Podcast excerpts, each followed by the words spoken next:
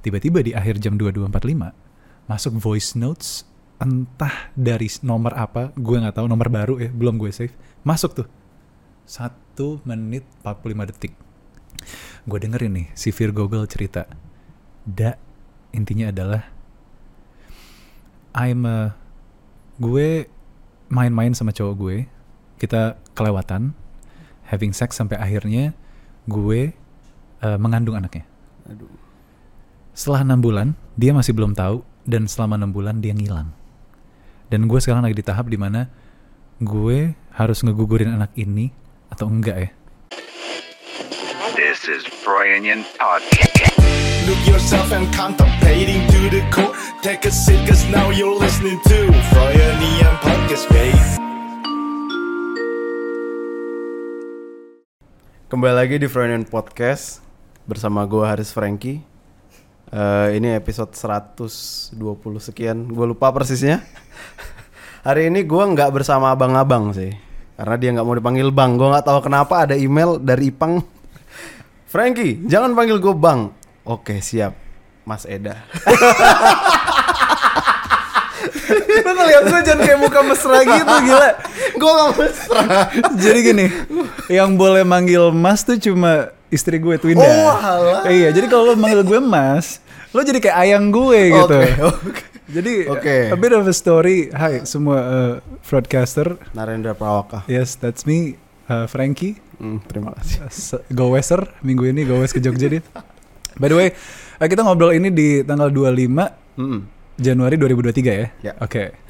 Kenapa gue nggak mau dipanggil Bang? Jadi gue kan siaran, gue kan penyiar radio ya, Mm. siaran di Prambors. Mm. Dulu mantan PD gue program director, namanya Oki. Mhm. Nah dia tuh nggak tahu ya, mungkin bisa melihat orang dan menamakan mereka berdasarkan apakah ini orang kak, Wow. apakah ini bang, Mm. apakah ini mas gitu. Oke oke Nah, dia pernah waktu itu satu saat, "Da, lo nggak cocok dipanggil Bang, Da. Muka lo nggak Bang banget gitu." Mungkin kalau Frankie ya Bang Frankie gitu ya, Pang ya.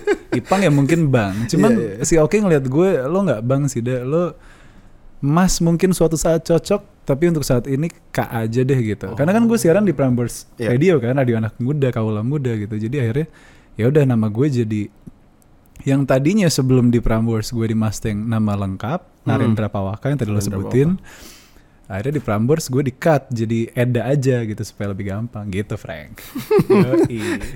Gue kaget banget Oke berarti gue manggilnya Kak Eda masa jangan dong unyu juga ya. Ya udah Eda. Eda aja Eh, yoi Eda. Gue Iya, gimana, kenapa gue panggil Bang tuh karena kalau di broadcast tuh Iya. eh, spiritnya gue nyamperin abang-abang nih. Oke. Eh, mencari apa ya mungkin pelajaran hidup lah Aha. atau entah taktisnya dia gimana sampai dari nol sampai di posisinya saat ini. Jadi siapa pun kayaknya bang di kepala gua. Dan pendengar gua tuh biasanya umuran kuliahan gitu kan. Iya. Ya, jadi kayak pas lah untuk ketemu-ketemu asli bro. Gue sebelum lo datang ke sini kan gue denger dengerin Froyonion podcast kan. Gua terus banget. setiap deskripsi itu pasti bang bang Awan bang Upi ya Iya. kan? Tuan 13 pasti bang. Makanya gue langsung email ke Ipang. Pang jangan panggil gue bang ya. Suruh si Frankie jangan panggil gue bang. Kalau nggak gue bom si Frankie. Gitu Oke, Frank. sorry sorry Eda aja berarti Eda aja. Eda. makasih udah main-main ke rumah gue nih. Ini luar biasa loh gue baru sekali datang ke rumah orang. Gue baru pertama baru kali. ketemu langsung di rumah. Bingung mereka. Asli. Ini gue baru pertama kali ngajak orang maksudnya tim dari luar untuk Hmm. podcastan di rumah gue. Jadi Froyono ini yang pertama. Makasih ya. Wah terima kasih banyak. Sama-sama Frankie. Luar biasa. Ini ada banyak banget sih yang pengen gua tanyakan ke lo. monggo monggo. Eh, tadi dari perjalanan ke Bintaro tiba-tiba ada berita yang mengagetkan. iya Eh, sekitar berapa ya? 10 menit yang lalu tuh Iya. ada live Instagram lo dari bad, di bad, Yes. apa Dead Bachelors Yes. tuh. Ada pengumuman apa tuh, Bang? Eh, da. Sorry ya, da. Duh, kalau siaran tuh gue bisa ada sound effect bom di sini nggak ada gitu. Iya, iya. Jadi gue bom aja loh ya. Oke, jadi gue tadi off air talk sama Frankie bilang, Frank, parah lo datang ke sini ngajak gue podcast pas gue abis bubarin band gue gitu, bangke lo. Jadi Frank, gue tuh kemarin lagi sedih banget karena band favorit gue salah satunya yaitu Panic at the Disco. Mhm. Mereka, I mean bukan mereka sih, karena emang cuma satu orang doang kan, si Brandon Urie vokalisnya Iya. dia decided untuk bubar setelah tur Eropanya di Hmm. Maret 2023 ini. Kenapa? Karena Brandon Urie akan menjadi bapak ya setelah 10 tahun pernikahan. Akhirnya memiliki soon to be baby Yuri. Mm-mm. Terus gue sedih, gue semalam curhat on air di radio. Kemudian gue curhat gimana eh, band gue Dead Bachelors yang udah dari tahun 2019 gue rintis barengan sama drummer gue Mario yang akhirnya has to come to an end gitu, Frank. Kenapa? Karena Mario saat ini sama gue statusnya LDR. Mm-mm. Dulu kita siaran bareng, terus ngeband bareng dari tahun 2019 tuh kan. Si Mike aja sampai ngecium gue nih. Iya Mike tenang Mike. That's okay Mike. Iya akhirnya eh, gue bilang sama Mario karena dia ada niat baik ke Bandung untuk bekerja dan mau menikah kan. Mm-mm. So on and so called. Makanya gue bilang ya udah lo fokus sama kerjaan lo di sana. Nanti kalau lo abis nikah baru lo kontak gue lagi masih mau nggak ngeband gitu. Oke. Karena biasanya kan kalau udah nikah ya pilihan dan tujuan hidup berubah ya Frank. ya? Sana terus ya. Iya, Iya, Frank. Keluarga dulu ya. Iya, lo kapan Frank? Aduh. ya mungkin dua tahun lagi. Oke, bagus itu. Punya target harus broadcaster. Iya. Iya, gitu Frank. Em, apa gimana ya? Pasti banyak ini kan pasti keputusan diambil sudah lewatin panjang lah ya pertimbangannya. Apa Iya. nggak sedih mikirin pendengar atau gimana ya? Gue gue lihat tuh terakhir da, Iya. di Dead Bachelors itu listenersnya 200 ribu loh Makasih loh. Udah ngelihat di Spotify. anting lo emang. Gue nggak pernah ngelihat numbers asli selama gue ngeband. Karena Oh. gue ngeband basically karena gue suka nge-create musik ya Frank. Jadi emang gue uh, naturally suka nge-create. Tapi that's the thing. Ketika lo punya band indie yang hanya berdua, Iya sih. lo harus punya apa ya orang yang memanage itu. Jadi ada tim yang membuat musik, Hmm. mostly itu gue sama produser gue namanya Andreas Arianto dan Mario biasanya yang mempertemukan gue dengan orang-orang. Hmm. Eh, maksudnya teman-teman eh, sessional ngeband, Hmm. dapat akhirnya basis Dityo dari Mario dan kenalan dari Andreas juga. Jadi gitu, biasanya kalau di Dead Bachelors, gue emang tipe yang introvert gitu, sukanya di studio, nggak suka nongkrong. Kan band butuh ya. Iya, Kalau di Wee Gaskins tuh ada Doci, ada Sansan, Sansan, iya. gitu. Docinya yang gaul, Mm-mm. Sansan ya udahlah yang Di, di rumah. di rumah aja di Iya. studio gitu kan Iya. selalu ada dua gitu kayak Iya. Vola Boy juga ada Pete Wentz ada Patrick Stump Patrick Iya, Stump vokalisnya yang cupu yang di rumah aja Pete Wentz yang ngegaul gitu. Mm. nah as I go along oke eh, ya udah karena stagnan nih satu tahun terakhir kita ngerilis single Gone 2022 Iya. setahun udah nunggu terus Mario kok belum nikah nikah juga ya. Ya udah deh di meeting terakhir Dead Batch gue bilang dengan berat hati ini belum bisa ke mana-mana nih Broyots gitu cuman kalau lo izinkan gue untuk jalan solo dulu mungkin gue bisa lebih melepas beban gue gitu. Gue juga nggak tahu sih solo gue mau ke mana. Soalnya gue juga anak rumahan kan. Belum tahu nih makanya hari ini gue ngobrol sama lo untuk melepas eh, penat itu Hmm. dan juga untuk tahu arah tujuannya abis ini ke mana gitu Frank. Jadi makasih ya. Sama-sama. Tapi lu seneng bagian nge-create-nya aja berarti ya? iya jadi Un- sorry, untuk misalnya sampai akhirnya itu karya kan nanti diserap orang kan. Yes. Ada ada apa? Ada reaksi dari situ. yes Itu nggak nggak apa ya? Nggak nggak jadi sesuatu yang memuaskan kah, Bu? Eh, jadi Frank itu juga misteri yang baru gue temukan baru-baru ini. Hmm. Jadi bener kata lo, gue lebih suka nge-create. Eh, jadi pas proses membuat lagunya itu gue seneng banget biasanya. Hmm, I find joy di studio, berdua aja sama produser, Yoi. ngobrolin tentang lagu, dia bikin musik, gue bikin lirik, bikin nada gitu. Akhirnya biasanya kan lagu itu akan menjadi sebuah demo ya, kalau Hmm. bahasa musisi. Jadi demo yang akhirnya hanya hanyalah gue, produser dan mungkin beberapa keluarga yang gue biarkan untuk eh dengerin deh lagu baru nih gitu. Hmm. Udah itu adalah the most um, enjoyment and fulfilling times sebagai musisi. Oke. Kalau gue ya personally. Ya. Nah, ketika lagu ini sudah menuju untuk tanggal perilisan, nah di situlah gue yang ngerasa anjir ini bayi gue yang gue sayang yang tiap hari gue dengerin kalau lagi lari, lagi sepedahan, pas udah jadi demo sambil mobilan nyetir gitu. Akhirnya tanggal rilis, biasa itu gue akan jadi apatis pas perilisan. Oh, Gitu, cuek Frank. aja ya. Cuek, Frank, asli. Gak boleh sih sebenarnya kayak gitu asli Iya. eh gue gak enak banget sama Mario karena dia lebih yang gimana ya saat perilisan dia lebih yang uh, memacu gue untuk ayo Hmm. dah promo, ayo dah promo, promo, promo. Ada gi- digital activation Ah, lah ah, gitu, kayak gitu-gitunya Frank, tahu kan ya anak Iya. agency ya. Iya. Nah itunya yang bikin gue pusing dan uh, saat lagu itu sudah rilis dan bisa diperdengarkan oleh uh, New Lovers nama pendengarnya Dead Bachelors ya itu udah nggak jadi spesial lagi buat gue. Oh ya? Iya Kenapa? jadi karena gue ngerasa ini karya yang tadinya hanya gue yang memiliki akhirnya ada 200 ribu orang yang mendengarkan Hmm, gitu loh hmm. Frank. Gue jadi merasa apa ya distant sama karya gue gitu ada perasaan kayak gitu Hah. emang mungkin ini agak halu ya obrolannya Iya, tapi tuh? personally kayak Iya, gitu iya, Frank iya. gue pernah dengar interviewnya Sam Smith gue selalu mencari musisi yang merasa ada gak sih musisi yang merasa sama kayak gue ternyata di interview terakhir Sam Smith dia juga bilang kayak gitu Hmm. waktu lagu Unholy nomor satu dia merasa biasa aja karena eh, gue lebih seneng pas lagu itu hanyalah milik gue gitu Oke. jadi Frank selama gue ngeband alhamdulillah puji Tuhan itu dapat AMI Awards gitu kan Iya, salam buat teman-teman AMI pas gue dapet AMI itu gue biasa aja Frank Hambar ya. Hamba, cuy. Bukan yang seremonial gitu ya. iya Gue udah mencapai ini nggak gitu ya? iya Frank ya ampun gue nggak tahu kenapa sih Wah. mestinya sih nggak gitu ya Hmm, mungkin karena ketika dilepas, karena ada yang bilang musisi kalau karya udah dilepas, Iya. itu jadi milik semua orang. iya Interpretasi terhadap lagu itu udah beda-beda tuh. iya Kalau lu misalnya fokus ke pengkaryaan tadi, Mm-mm.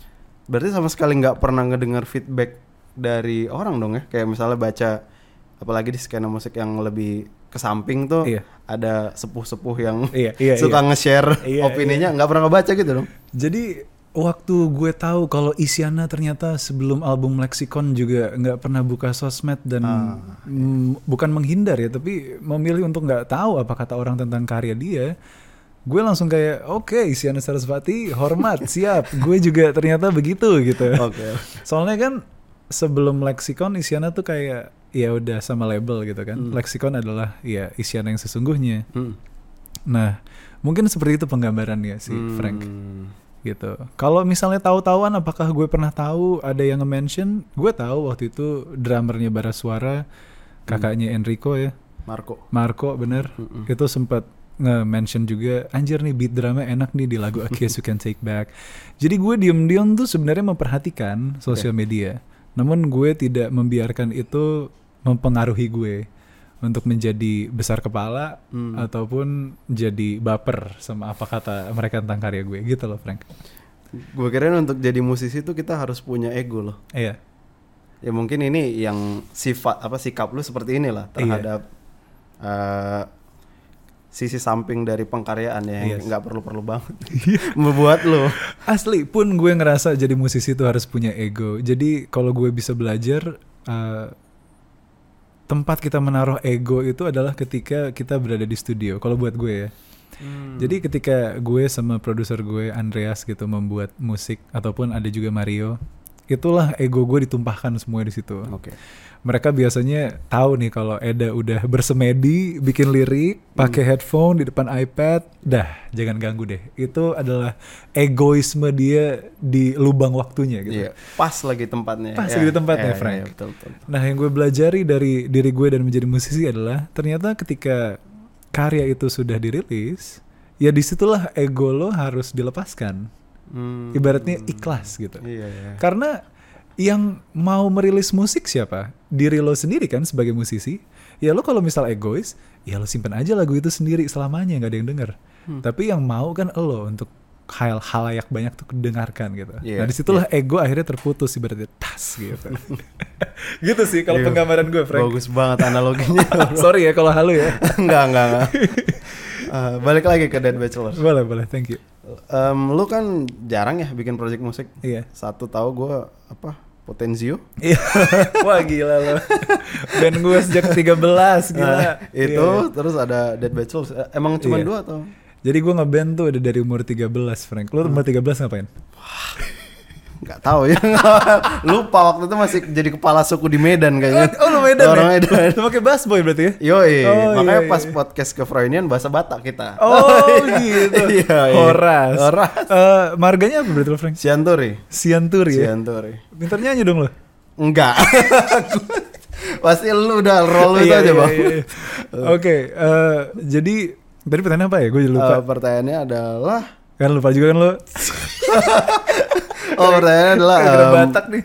Potenzio, Oh, iya, Dead iya. Bachelors. Ini emang dua project musik atau? Jadi gue kan ngeband dari tiga, umur 13 SMP tuh ya. Mm. Potenzio waktu itu gitaris gue Pamungkas. Yoi. Ya kan, Eh, itu kita formatnya berenam. Jadi format masa lalu ya. Kalau Dewa format masa depan. Jadi ber berenam tuh ya.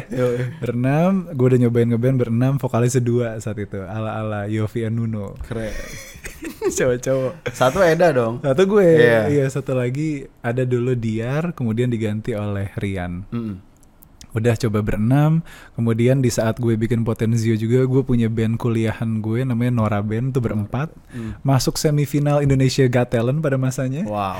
dijuriin oleh Ari Lasso, Wow. Indy Barons, Mas J. gokil gokil. Itu berempat gue udah, jadi berenam berempat, kemudian setelah Berdua. itu eh, berdua, sebelum berdua gue sempet juga Hmm. waktu itu dipanggil sama namanya Fajar. Jadi dia yang pertama kali dulu menemukan Afgan. Wow. Iya ini gosip-gosip ya. Wow. Jadi dulu menemuin Afgan, terus si Fajar ini dia Fajar itu adalah keyboardis elemen. Mhm. Jadi dia bilang, "Da, lo punya materi lagu nggak? Coba sini gue produce. Ada nih solo." Akhirnya jalan-jalan-jalan, eh ternyata nggak jalan juga solo. Tapi at least gue udah pernah nyobain lah produksi solo tuh kayak gimana. Sampai rilis karya ada waktu itu. Hah? Sampai Sampai. sampai cuy Siap, sampai rilis sampai rilis kemudian ya udah gagal semua tuh band gue akhirnya di saat gue mau berhenti ngeband di tahun 2014 Mhm. sobat lama kuliah gue namanya Kevin Aprilio dari Wow, Viera iya. Viera Tel Mhm. hubungin gue waktu itu ada gue punya janji waktu itu sama lo pengen bikin vokal grup. 2014 ini kita jadiin yuk. Akhirnya Oke. bikin. Vokal grup gue Kevin Lutfi sama Ilyas. Jadi bertiga bernyanyi Mhm. Kevin main piano. Itu sempat rilis di KFC saat itu. Gue kira saat itu yang ini bakal oke ini bisa sukses nih kayaknya. Aha. Eh ternyata vakum juga. Gak bubar, Iya. tapi vakum juga ya Vakum juga. podcaster. Jadi lo bayangin udah berenam, udah berempat ngeband, Iya. udah solo, udah berempat vokal grup, sampai akhirnya Berdua. ya mungkin ini jadi band terakhir gue lah. Kalau abis ini gue bikin band kayaknya cuman di neraka yang bisa nikmatin. Gak ada yang nikmatin cuy. Jadi ya udahlah. Akhirnya bikin Dead Bachelors sama Mario yang gue juga nggak tahu dia bisa main drum seperti apa saat itu. Tapi sedih gak sih, Da? Udah berapa kali tuh ya? Lima. Mungkin ya estimasinya. ya. iya cuy. Lima kali terus yang terakhirnya kan di mana lu sudah sebenarnya kalau sorry ya kalau alasannya Mario mau berkeluarga kan lu juga sudah nih Iya sudah benar benar benar. yang mana fokusnya juga ya sa- susah ngebaginya cuman Iya. bisa kok gitu Bisa benar. dan sudah lu jalankan terus tiba-tiba sorry bro gua gua harus bingung nih gua udah gua sendiri dulu gitu akhirnya kan? vakum sekarang terus kayak nggak tahu gimana perasaan lu Bangke kan. Kalau lo bilang sedih, gue langsung ingat sama eh, pesan dari nyokap gue, Ibu Ayu Diah Pasha, Hmm. yang suju- yang juga sudah di dunia entertainment mungkin dua dekade ini ya. Nyokap gue pemain sinetron by the way dan juga pemain film, seniman lah dia. Walaupun lulusan hukum ya bu ya. Jadi ibu selalu bilang, "Eh, kak hidup ini boleh malu-maluin tapi harus tetap sopan dia bilang gitu. wow Terus gue serap kan coba ini maksudnya apa ya? Oh mungkin maksudnya ya nggak apa-apa kak. Eh, kamu udah lima kali enam kali ngeband dan gagal mulu gitu. Malu-maluin sih. Orang pasti akan kayak, dak kok beda lagi bandnya? Dak kok beda lagi? Dak dak. Tapi yang penting tetap sopan sama mereka. Jadi kalau mereka nanya, ya udah senyumin aja gitu. Jadi kalau Hmm. lo tanya apakah gue sedih, kayaknya masa-masa sedih gue udah lewat deh, Pang. Eh, Iya. siapa? Frank. Iya. Ipang mah di sini ya. Iya. Udah lewat, Frank. Jadi gue udah sampai di tahap, ya udah deh. Kalau emang callingan gue sejak umur 16 tahun bilang ke Ibu Ayu, ya Bu, saya mau bermusik dan hidup dalam musik ya Ibu Ayu. Ya udah itu yang akan gue laksanakan. Hmm. Jadi walaupun gue nggak ngeband saat ini dan hanya aktif sebagai penyiar radio ataupun akhirnya menjadi presenter berita ya, aneh banget hidup emang. Gue masih tetap eh, bukan mencoba, tapi setiap hari merasa bersyukur karena ternyata gue masih bisa hidup di musik gitu sih Frank. Hmm. Ini aja kita podcastan ngomongin musik. Iya, Gue iya. siaran ngomongin musik gitu Frank. Iya sih, tapi lo orang yang mengerjakan banyak hal nih, Dak. Iya, Ada presenter, eh, host radio, Ya, musisi, ya. pemain golf juga. gue liat bajunya aja. sedang merintis. Gua ini bokap baju. nih, ini kalau ini bokap gua, Kapten JGC cuy. Lapangan golf tertua se-Asia salah satunya. Dari Respect. tahun 1872 cuy. Pas banget lagi ngefit. Gue keren baju dia pribadi, ternyata enggak. Ini JGC cuy. Gua manggung aja dan batch pakai baju JGC. Oh, Oke, eh, tadi pertanyaan gue tuh Tahu deh. banyak bidang Iya, banyak yang bidang. lo eh, jajah. Iya. Sebenarnya yang paling menghasilkan? Yang paling membuat fulfill buat lo yang mana tuh? penyiar radio. Oh. Been doing this since 2010 bang dan 2023 masih melakukan ini jadi 13 tahun selalu siap mengudara untuk anda. Kapten. Kapten bro, Kapten Eda at your service. Keren. Penyiar ya? Penyiar coy. Penyiar Itu radio. salah satu gue ada sih ci- cita-cita mau ke sana. Cuman gue nggak tahu em, harus ngapain, harus punya apa. Iya. Tapi nantilah gue pengen nanya ini dulu buat lo. Siap, boleh pak. Dapat apa dari penyiar? Yang anehnya lu tuh seorang Iya. introvert, dah. Iya benar. Terus sebagai penyiar kan kayak "Hah, smiley voice bro. Gue sekali denger lu ya suaranya kayak buset ini beneran aktor bro. ini mah beda ini. aktor ya cuy. Kalau gue sebagai podcaster ngomong ya udah kalau dia Iya. senyum. aktor cuy asli.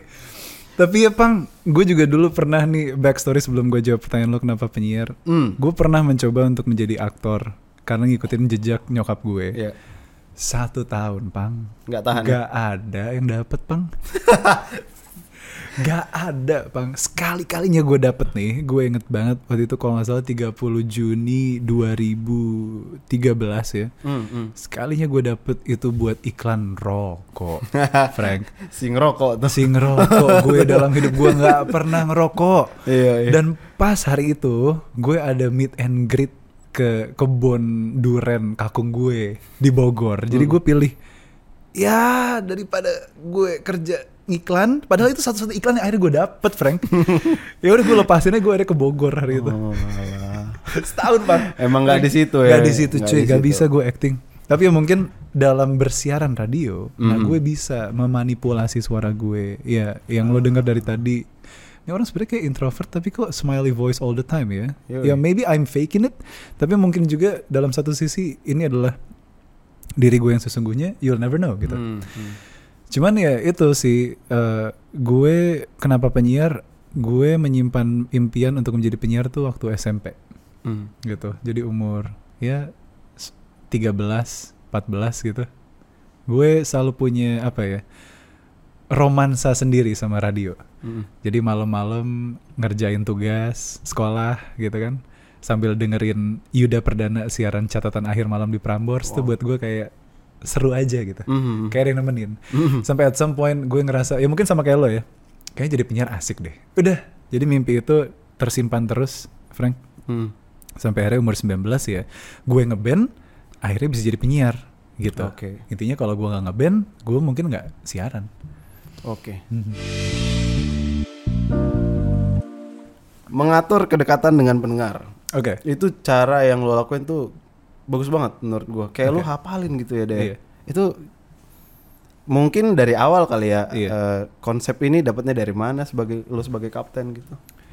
ini juga kan gue tadi sempat mention kalau gue tuh nggak tahu kalau ternyata gue tuh aneh sampai ada orang yang ngomong gitu kan nah lo pernah ada tamu si Lord Dustin kan Tiffany Iya. nah Kok gue- tahu lagi? kan gue penyiar radio, Oh, iya, iya, gue iya. pasti kepoin, gue Iya, tanya iya, tahu iya. Instagram lo.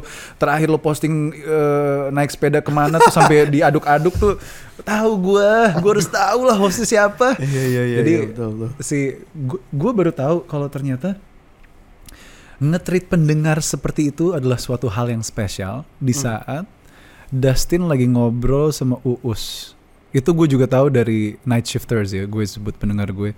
Karena nama acara gue tuh Night Shift di Prambors. Senin sampai Jumat dari jam 8 sampai jam 12 malam. Keren. Jadi gue dikasih tahu sama si Night Shifters, dah lo harus denger nih obrolannya Uus sama si Dustin tentang siapa penyiar radio favorit lo saat ini gitu.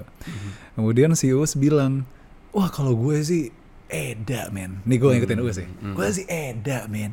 Eda tuh best man. Eda tuh bisa kayak inget gitu nama-namanya. Inget ini orang satu orang dia eh, nge-request lagu ini. Eh besoknya bro lu kok masih request lagu ini bro? Ah cupu lo gak move on dari lagu lo. Move on dong bro. Gimana sih masa lagunya masih sama? Ah cupu lu kampret. Eda tuh bisa kayak gitu. Nah gue baru kayak ngelihat itu dalam hati kecil gue Frank. Gue tuh ngakak kayak Tai lah us. Radio kan mestinya kayak gitu. Oh, emang sudah semestinya. Sudah Iya, semestinya, iya, iya, iya. bro. Iya, iya, Sejak 2010 gue siaran tuh pendengar adalah rajanya ibaratnya. Gue Hmm. cuman sebagai messenger, gue memimpin. Lo punya cerita apa? Lo punya requestan apa? Keadaan lo hari ini kayak apa? Cerita ke gue, ayo. Gue kasih lagunya ke lo. Kalau misalnya gak gue play, berarti karena lagu lo tuh kurang bro. gitu loh. Ada itunya tuh ya. Iya, Kurang, Bro. Kurang, cuy. Itulah apa romansa manusia ketika mendengarkan radio itu yang gue kangen di era digital ini. Karena mungkin di era digital orang eh, aneh ya kayak masih ada ya penyiar live. Mhm. Karena kebanyakan sekarang radio live taping. Iya. Iya, lo kayak gitu dong. Masih ada ya orang yang mau nemenin pendengar detik by detik Iya. bersamanya dari jam 8 sampai jam 12 baru keluar gitu. Iya, gue gue menemukan itu nggak aneh sama sekali. Itu itu adalah pekerjaan penyiar pada seharusnya Oke. gitu. Mm. Gitu sih, Frank. Jadi kalau tanya ke gue gimana cara gue nge-treat pendengar kok bisa spesial banget? Mm.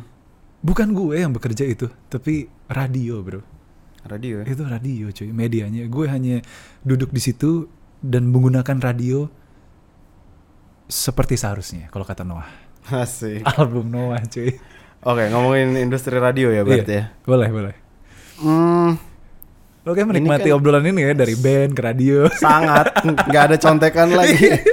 oh, udah freestyle aja. freestyle bro go Frank Soalnya gue nonton lu di dua bujang yang di narasi sempet, Iya. yang kayak waktu lu ketemu si apa yang gimmicknya gue suka banget sih yang ngasih kado itu. oh iya ngasih Wah, kado respect sih. itu. yoi bro ngasih kado Sama Pamungkas sama siapa ada? sama Vidi Aldiano itu ngasih sendal ke dia ngasih ada yang ngasih ini apa nomor peserta. nomor peserta Iya, Kunto ada Aji juga tuh.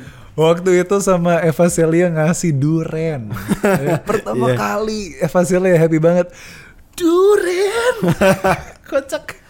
Lo pakai gak apa-apa sana. Iya ya. Oh, jangan Tadi lo datang-datang bawain gue bingkisan, bagus tuh. Keren.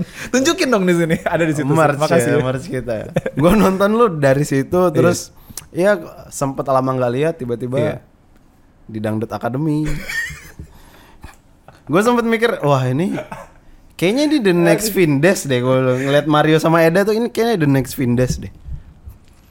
Kenapa bisa dak dari satu platform digital dari radio dari digital dari TV lu master semuanya bro Ngulik ternyata lu ya. nguasain itu semua. Dangdut Academy disebut loh.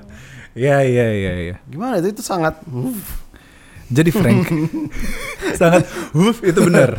Nah itu adalah wejangan dari nyokap gue. Malu-maluin gak apa-apa tapi yang penting sopan. Wih. Jadi sampai di panggung Lida itu gue inget banget ya di saat gue sama Mario lagi dinobatkan ibaratnya menjadi host Lida, Liga Dangdut Academy gitu kan. Indonesia Indonesia. itu ada beberapa kru Indosiar yang kayak wanjir. Dead Bachelors nyambi nih ya pas pandemi. respect Itu kan kalau band indie kayak kena lah bang, bangke, band indie cuy nge-host dangdut. Yoi. Nah itulah malu-maluin tapi harus sopan. Iya iya nih lagi BU emang namanya juga band indie belum manggung di mana-mana ya belum banyak job. Ya udahlah sementara Indosiar cuan cuan lah.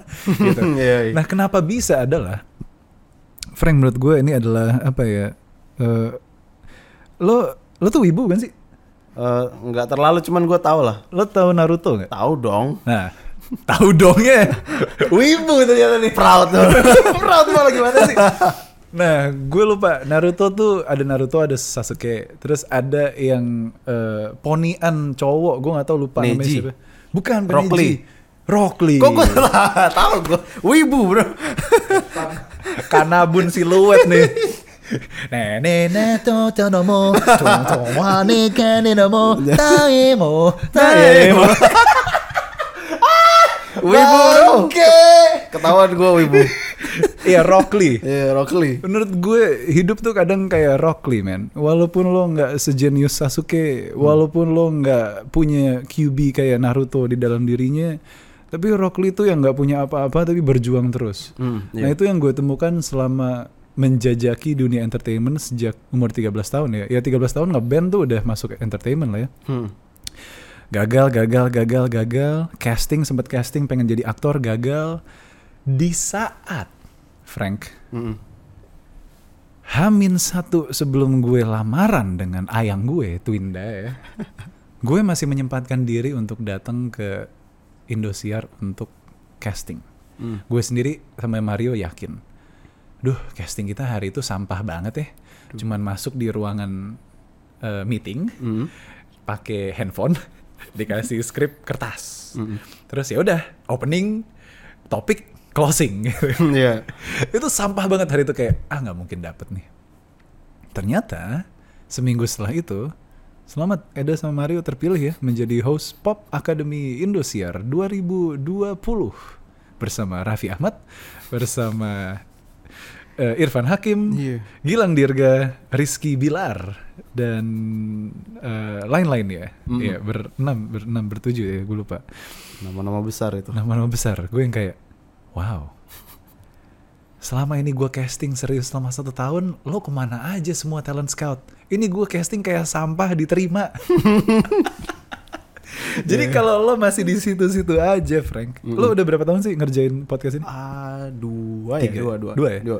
nah ketika lo udah menjalani ini mungkin 5 atau 10 tahun let's say Mhm. lo masih di sini nih Mm-mm. kita akan ngobrol lagi suatu saat Iya. coba deh update ke gue pasti akan ada yang level up dari kehidupan lo Oh pasti. Dengan hal konstan yang lo lakukan setiap hari itu. Pasti pasti. Gitu Frank. Jadi gue menemukan kalau lo tanya kok bisa sih ke dangdut? Ya karena di casting masuk ke Popa, Pop Academy saat itu. Dari Popa akhirnya dapat kesempatan untuk eh, ngegantiin Ramzi, Gilang Dirga, Irfan Hakim waktu itu yang mestinya New Year celebration di Indosiar malam itu. Gue sama Mario sama Indra Bekti saat itu. Mm-mm. Nge-host di saat konser belum ada nih, belum marak nih, masih pandemi. Iya. Malam itu line up-nya Dewa 19. Gila. Noah. Gila. Bang Aji Roma. Terus Iwan Fals. Hmm. Gile. Gue kayak, ya ampun, ini baru band indie nih. Yo yo. gitu sih. Jadi semangatnya itu loh eh, Frank yang mesti selalu ada. Walaupun pas lo ngerjain juga kayak, gue ngapain sih di sini gitu. Oh lu nya gitu dah. Iya iya kayak awalnya kan gue cuman sign up buat jadi nge-host pop kan. Mhm. Tiba-tiba dangdut cuy. Ada satu Oh, segmen di mana Eda iya. Mario opening nyanyi dangdut ya. Iya. Ya gue hafalin lah. Los dol dan ningmu bangsakan. ya ampun Frank Frank. Gitu amat nyari cuan ya. Tapi gue respect sih. Makasih. Karena itu kan biasanya kita ba kerja itu menurut gue banyak ketidak apa ya ketidak idealan tuh pasti ada. Iya. Cuman lu hadapi dengan ya teguh gitu kayak. Kenapa apa Frank? Gue profesional kontrak nih. B, harus gue kerjain gitu. Tapi di situlah Iya. keprofesionalitasan kita diuji kali ya. Iya. Iya. Dan lu ngelakuin itu dengan sangat. Iya bro. Karena gue ngelihat Raffi Ahmad aja mau melakukan itu. Iya. Gue ini apa? Oh sama ini mungkin em, ada ya du- mungkin dua topik terakhir lah ya nggak tahu entah terakhir entah enggak ya. Boleh Frank? lu itu eh, sangat mencintai industri radio. ya. Yang mana kalau gua sebagai podcaster kan salah satu orang yang mendistrupsi nih. Oh iya, oke. Oke. Iya iya. Iya kan? Tiba-tiba ada podcast. Ayo. Heeh. Em, lu masih pede nih umurnya masih panjang dak. Oke, kita kan sesama kolam tai ya, suka dengerin Podcast awal minggu. Awal minggu, bro. Respect Bang Adri. Respect Adriano Colby. Pernah ngobrol sama kamu juga ya, Ayang Tunda ya? Jadi eh emang dari awal tuh Mario yang kenalin gue dan ngajak gue untuk, "Da, mau bikin podcast nggak?" gitu.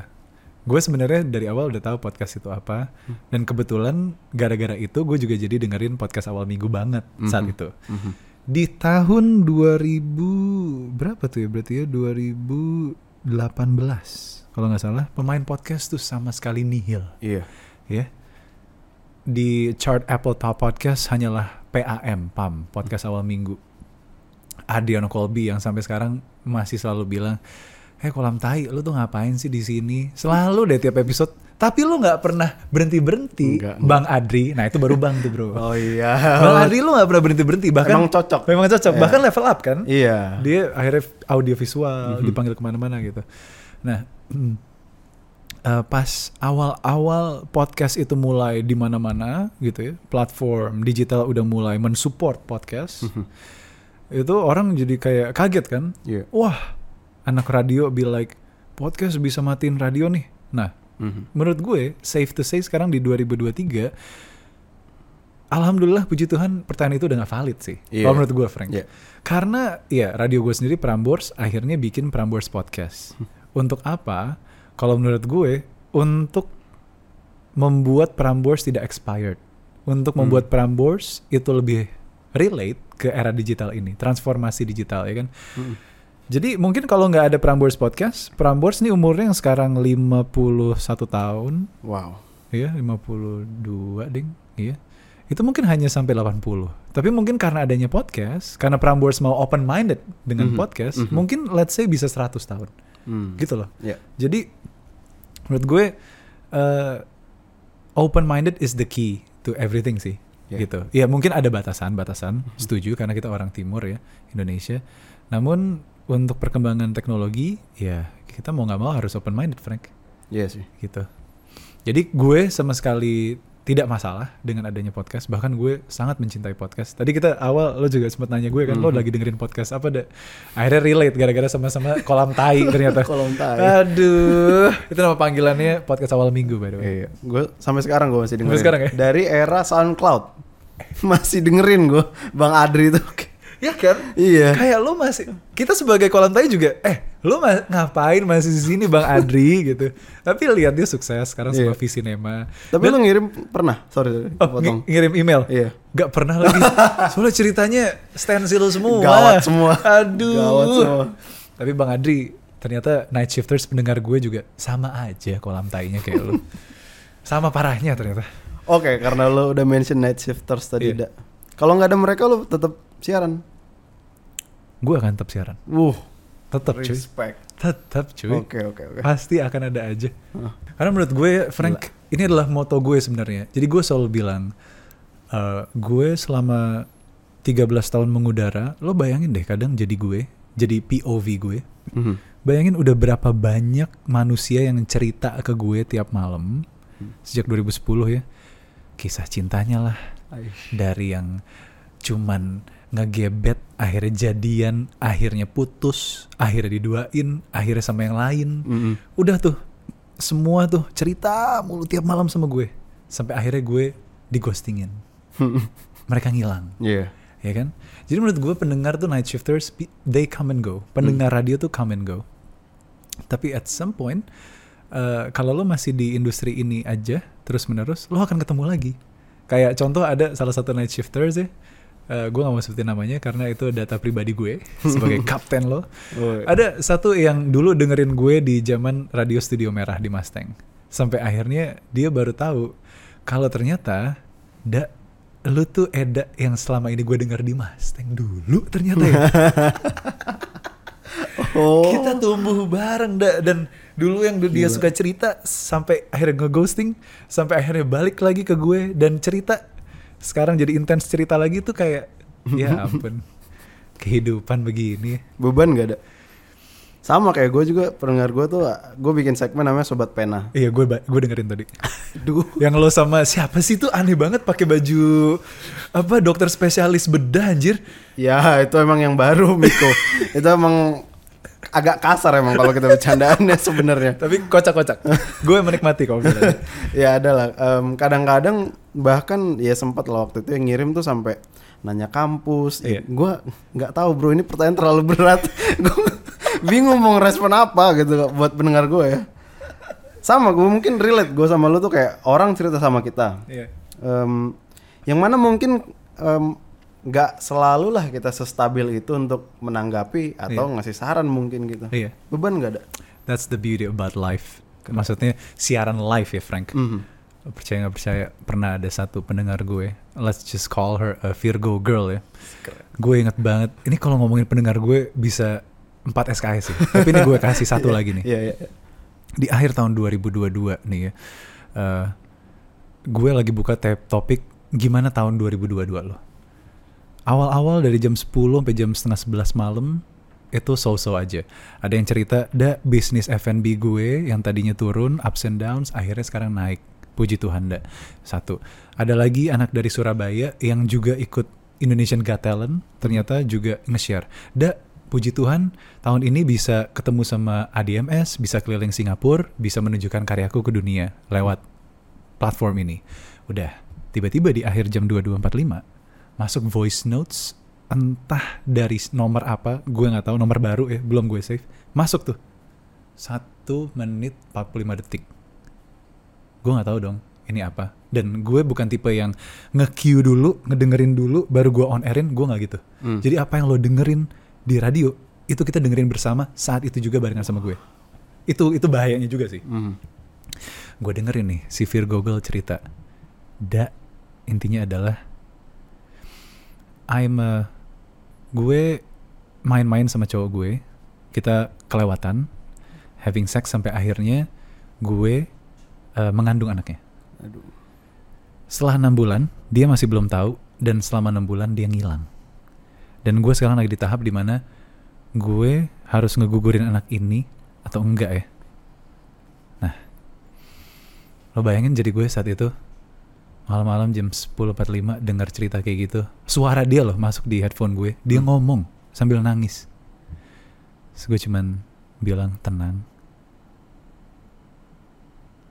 kita di sini semua sayang sama lo dan nggak ngejudge lo sama sekali itu adalah pelajaran yang sudah dilakukan Hmm. oleh kamu dan dia gitu jadi eh gue akan kasih lo satu lagu gue ingat banget waktu itu muterin lagu The 1975 Be My Mistake Oi. dan setelah gue akan kasih lo waktu lo 4 menit aja di planet bumi ini supaya lo bisa berpikir dengan tenang mau diapain yang udah ada di dalam perut itu. Gitu. Kasih waktu 4 menit dah. Akhirnya dia ngirim voice notes lagi 30 detik. Sambil nangis terisak-isak. Makasih ada makasih banget makasih udah dengerin karena nggak ada yang mau dengerin nih aku cuma cerita di sini. Makasih banget gitu dia bilang. Terus gue kayak ya ampun. Semoga gue menyelamatkan satu nyawa ya malam hari ini ya dengan hanya suara gue gila Frank. Itu di hotline gue berisik banget. Ding ding ding ding ding ding ding ding. Pray for Virgo pray for Virgo. Da da da da da da da da gitu. Semuanya sih. Wah gila sih. Gue nggak tahu kalau misalnya malam itu gue nggak bring up topik 2022 lu tuh gimana? Apa kabar? Iya. mungkin dia nggak akan tergerak untuk cerita kali. Iya. itu hanya satu dari beberapa kehidupan lainnya yang juga mengaku udah gue lagi nggak tahu nggak ada gairah hidup gue harus ngapain gitu Iya, iya. gitu Frank Tapi gue bisa bilang lo the right bro. the right person for the job sih, dah. mudah-mudahan ya Iya. mudah-mudahan Gila. karena gue jujur gue selalu bilang ini on air hidup kehidupan gue tuh stagnan. Gue ngejalanin hari bangun makan olahraga siaran. Bangun makan olahraga siaran. Kalau di Jujutsu Kaisen tuh kalau kata adik gue Nabil gue tuh ibarat nanami gitu. Hidup hanya untuk ya udah melakukan pekerjaan gitu. nah itulah gue. Jadi gue ngerasa hidup gue tuh ya stagnan aja. Nah justru dengan gue hadir menemani kaula muda dan juga night shifters Hmm. untuk bercerita gue jadi tahu oh kehidupan di luar sana tuh gitu karena gue nggak pernah nongkrong Frank satu-satunya lo mungkin udah dengar gue interview sama Bas Boy juga satu-satunya waktu gue nongkrong adalah di saat gue bekerja di interview atau nginterview orang nah itu buat Wow. gue nongkrong kalau nggak ya gue di sini main sama kucing main sama ayang main Fortnite udah bikin musik kali Iya. gitu Frank Gila sobat ya. Ternyata ya jadi penyiar. Penyiar, Gue nggak sanggup kayaknya. Langsung mengurungkan niat. Pelan-pelan. Iya. Gitu. Kenapa sih dah lu selalu bilang kayak nggak suka nongkrong? Apa sih yang nggak suka dari nongkrong tuh? Mungkin nggak the right person atau apa sih? Pertanyaan bagus. Iya. Baru kita bahas kemarin ya. Eh, jadi kemarin gue baru denger penyiar-penyiar baru ini gantiin Julio sama Genus di Sunset Trip. Sebut saja namanya Rafa sama Coki sama Gepeng operator tuh. Gue ngelihat mereka ngobrol kayak ini berantakan banget ya orang ngobrol ini. Terus Twinda bilang, ya itulah kalau nongkrong tuh gitu ngobrolnya mas. Ada yang mulai, ada yang nyamber, ada yang nge-punch. Mulai nyamber nge-punch. Jadi nggak bisa ngobrol panjang one on one gini gitu. Nah gue tuh pusing, Frank. Oh. Kalau udah ada empat orang di sini kayak, ya gue paling diem aja. Iya cepet banget pindah topiknya. ya. Iya bro, belum selesai Iya, iya, iya, anjir. iya, iya, betul. Tolong dong. Iya. Kalau gini kan kayak gue kan suka main golf, suka main tenis. Kayaknya olahraga tuh mencerminkan cara ngobrol kita juga. Kalau Hmm. tenis kan one on one. Gue pukul, pukul, balikin, balikin, balikin. Kayak balikin. polo komunikasi ya. Iya coy. Gua, nah, gue nggak bisa main bola, mau main basket. Cupu Oh. banget gue, Frank. Lo main futsal kah? Lumayan. ya. Harus sih, lo kan nongkrong kan. Nggak mau terlalu mau nggak mau ya. Nggak terlalu Mau nggak ya. mau. Iya gitu. Jadi menurut gue kenapa gue nggak nongkrong karena gue pusing dan gue ngerasa kalau gue nongkrong, gue Hmm. jadi orang yang nggak berguna di tongkrongan itu. Karena nggak punya sumbang sih, Frank. Gue nggak ngomong. Ya mungkin gue hanya mendengarkan ya. Iya. Tapi gue nggak bereaksi juga. Nggak ngejokes juga ya. Gak ngejokes apa lagi Gue lucu di mana Tolong dong Gak bisa gue Iya Frank. juga sih. Desta aja lah itu Oh iya, iya, iya, Iya betul, betul, betul. Jadi gitu Walaupun ya Ya makanya ini menurut gue adalah Tongkrongan gaya gue tuh begini Oh, kalau gini tongkrongan, gue juga sukanya kayak gini. Iya kan? Bukan yang kayak berempat terus nanti belum selesai satu pindah, belum selesai satu pindah. Capek kan Kayak orang main TikTok kayak belum selesai. kayak kan ini Iya, cepet iya. banget ya. Cepet banget kan iya. attention span-nya kan Iya kayak sat, 30 sat, detik set, set. pas ditanya udah scrolling apa video tentang apa aja mungkin dia nggak tahu gitu. Iya coy Tapi lo selama tiga tahun pacaran sama Cancer Deket gak sama teman-teman nih? Suka nongkrong sama mereka? Tidak. Oke So Pada akhirnya ketika lo sudah menikah Teman itu tidak ada Gak perlu lah. Makasih udah jujur ya. Iya, gue sih. Keren lo Frank. Nggak cocok. Ya mungkin terinfluence Bang Adri jadi kayak aduh. Bitter aja lah bitter, Bitter aja, aja ya. nggak usah lah being nice gitu. Iya, mungkin bener. porsinya ada aja kalau gue apa adanya. Kolam tai emang bro. Bener cuy. Itu sebenarnya pertanyaan gue ke selanjutnya ada yang masalah TikTok tadi. Oh iya. Gue liat lu kan eh, figur yang relevan di anak muda nih. Iya. Terus kenapa nggak menggunakan sosial media gitu? Yang mana di atas sama kucing mana tuh adminnya belum ada? Gue belum lihat adminnya dari tadi. Oh lu mencari admin ya? Kebetulan adminnya rewel. Tiga hari kemarin mau pulang Jadi gue balikin ke rumah Oh. ibu gue. Gitu Iya. Kenapa? Eda nggak menggunakan sosmed gitu? Padahal tempat tempat kita nyari berita kan itu. Iya sih bener sih. Kenapa ya? Eh, Jadi akhir-akhir ini Enggak sih dari dulu gue lebih suka main belakang Bukan DM tapi IG story Gue Hmm. lebih Lebih cepat membalas IG story Kalau untuk konten gue bingung Gue harus ngonten apa ya Gitu Iya.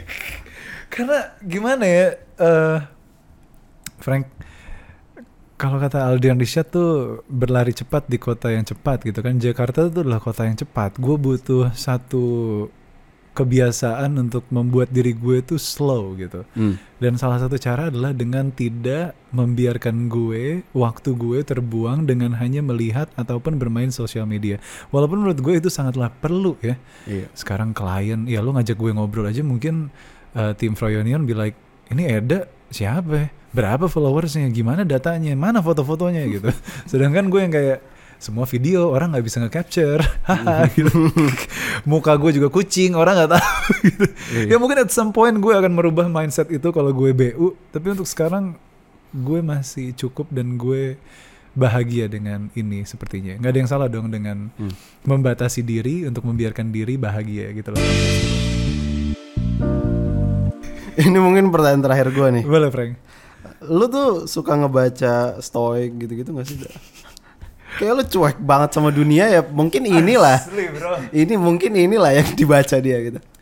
Jadi jauh sebelum ada siapa stand up comedian Ferry yang- Irwandi. Iya yang stoik stoik Iya, itu yang stoik. akhirnya diundang ke Vindes gara-gara stoicism itu kan. Iya, gue gue pernah ngobrol sama dia sih. Yang ngobrol kan sama dia. Si Adriano Colby juga sempat ngebahas Mhm. stoicism. Mm-mm. Jauh sebelum manusia pada umumnya berkobar-kobar tentang stoik, Hmm. gue berani bilang kalau ya mungkin juga semua penggemar komik Batman tahu kalau Batman itu adalah stoik. Ah. Jadi gue tahu stoik tuh gara-gara komik cuy. Mhm. Dan gue ngerasa gue relate sama Batman ketika Batman eh, berkata di satu komiknya ditanya kan, "Eh, Bruce, lo tuh udah jadi miliarder, lo udah kaya, lo playboy, lo kenapa masih kuliah sih?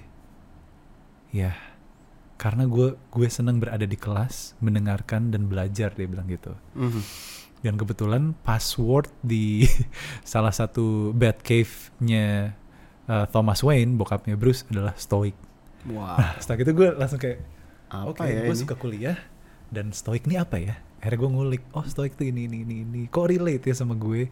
Oke, ya udah, ternyata Stoic tuh begitu, menjalani hidup tanpa membiarkan faktor eksternal mengganggu diri lo gitu, Iya. ya kan? Iya. Ya udah lempeng aja gitu. Iya. Gue nggak tahu sih bahasa Indonesianya cuek itu bahasa yang benar atau enggak untuk menjelaskan stoik. Tapi kalau cueknya dalam cuek yang positif sih gue mungkin bisa setuju. Mhm. Cuek untuk membiarkan hal-hal negatif tidak mengganggu lo gitu. Bahasa Jawanya mungkin legowo. Legowo. Gila, orang Medan ngomong Jawa loh. Karena punya teman Ipang aja orang Jogja. Oh, emang Jogja ya? Iya, Iya, Mas-mas iya. Jogja dia. Keren lo Taurus. Iya. Medan, Wibu, diem-diem. Enggak. Keren lo, Eh, Frank. Lu nggak mau jadi eh, figur yang membawa narasi itu, dah. Stoicism itu Iya. ya? Udah ada si itu. Bang tadi. Ferry. Iya cuy. Bang Ferry bentar lagi ini politik. Oh iya ya. Iya ya. Ganti Iya, aja. iya, iya, iya. Gantiin aja dah. Takut cuy, nanti gue juga kebawa jadi pengikutnya Bang Ferry. Politik juga gue. Padahal kan kayaknya kalau nggak tahu sotoynya gue nih dah. ya. Iya, iya. Kalau mau em, jadi orang yang tiba-tiba geset gede gitu kan harus bawa narasi ya. Iya coy, bener. Mungkin itu narasi yang cocok buat lu bawa dah. Harus untuk bawa main. satu keyword gitu ya. Iya. Karena menurut Mungkin- gue, ketika lo sudah bernarasi tentang stoik, Hmm. itu sendiri udah nggak stoik menurut gue. Kalau menurut gue ya. Wah. Ngerti gak sih? Nggak ngerti gak sih lo? mind blowing. Nggak ngerti gak sih lo? Iya, iya benar Nggak benar. ngerti gak sih lo? Benar benar benar. Kayak kalau lo emang stoik, ya udah lo buktikan kalau lo doktoral, lo ngajar sana di universitas. Hmm. Diam-diam aja mainnya gitu. Ya walaupun mungkin ada beberapa dosen yang akhirnya era digital juga ya, nggak masalah buat gue. Iya. Tapi buat gue stoik yang sesungguhnya adalah, lo nonton Umbrella Academy gak sih? Enggak, cuma Iya, tahu. Pokoknya komik yang dibuat Gerard Way vokalisnya MCR ya. Buat gue stoik adalah anak nomor satu itu kalau di komik eh, Umbrella Academy. Kenapa? Karena dia ketika disuruh bokapnya, eh kamu anak nomor satu, sulung, tinggal sana di bulan. Dia berangkat ke bulan, nggak tahu kenapa harus ke bulan, tapi dia tinggal di bulan karena bapaknya suruh. Itu stoik menurut gue. Hmm. Stoik tuh bener di atas di bulan. Nggak ketemu Jalanin siapa-siapa. aja day by cuy. day ya. Iya. Oke, gue waktu itu pernah kan ada kasus siapa si Jering SID ya, Iya, anak, iya. anak pang yang Iya. ke kantor polisi Ngelapor. lapor Instagramnya ke hack. Iya, Terus iya. gue kayak, oke, di sini kata punk lo tuh udah, ini gue denger dari Adriano Colby Iya, juga iya, kayaknya. iya, gue iya, setuju iya. sama kolam tai. Gimana sih Jering ngelapor ke polisi anak punk Instagramnya dihack? Mana punknya anjir gitu. Gue pak Instagram saya hilang pak masa gitu aneh banget. Iya ketika itulah Jaring udah memutuskan Iya. kata pangnya. Ya untung masih ada Bobby Cool Iya. sama ada siapa lagi tuh satu lagi ya itulah ya. Ah iya lupa satu Iya lagi. satu lagi cuy. Ya, itu makasih ya. Eka Rock. Eh Karo. Iya. Yoi. SID tahu juga. Tahu lah bro. Gila lu gue penikmat Oh iya musik dia kan cuy. penyiar bro. Iya. Gua yang nggak siapa-siapa. Tapi jering harus ada supaya SID tetap tampil. Iya. Harus. menjaga chaosnya. Iya, harus Sorry. Bumbu-bumbu drama tuh harus ada. Nah itu yang Dead Batch nggak ada. Karena vokalisnya anak rumahan. Ini kan jadi jadi drama nih. Oh iya ini jadi drama. Lu ya. bubarin soalnya. Apa yang juga nggak banyak yang dengerin? Dah Tapi- ada 200 orang yang denger setiap bulan dah. Oh, Cek iya. lah di Spotify ya. Keren. 240 berapa gitu gue liat. Makasih udah dengerin New Lovers sama makasih udah dengerin di uh, Froyonion podcast ini. makasih buat siapa pun yang dengerin. Terima kasih banyak dah udah ngeluangin waktunya di sini. Makasih banyak Frankie. Ada yang mau lu tambahin lagi nggak? Eh, makasih bang, udah ngontek gue lagi. Karena terakhir inget banget gue. Ah. Waktu itu gue baru mau ngerilis lagu Gone. Gue cerita ke dia, Pang, gue mau rilis lagu. Nanti kapan-kapan undang lagi ya. Nah biasanya omongan-omongan yang Hmm. yang gimana ya, yang hanya tongkrongan kayak gitu, yang nggak tahu bakal terjadi atau enggak, eh terjadi hari ini. Nah gue respect sama manusia-manusia yang membuat itu terjadi. Ketika ngomong cuman, eh nanti kita ketemu lagi buat ngobrol ya. Iya. Eh akhirnya ngobrol, Pang. Pas band gue bubar. Anting loh emang. Thank you, Frank. Iya, thank you. Thank you, Dak. Siap. That's a wrap.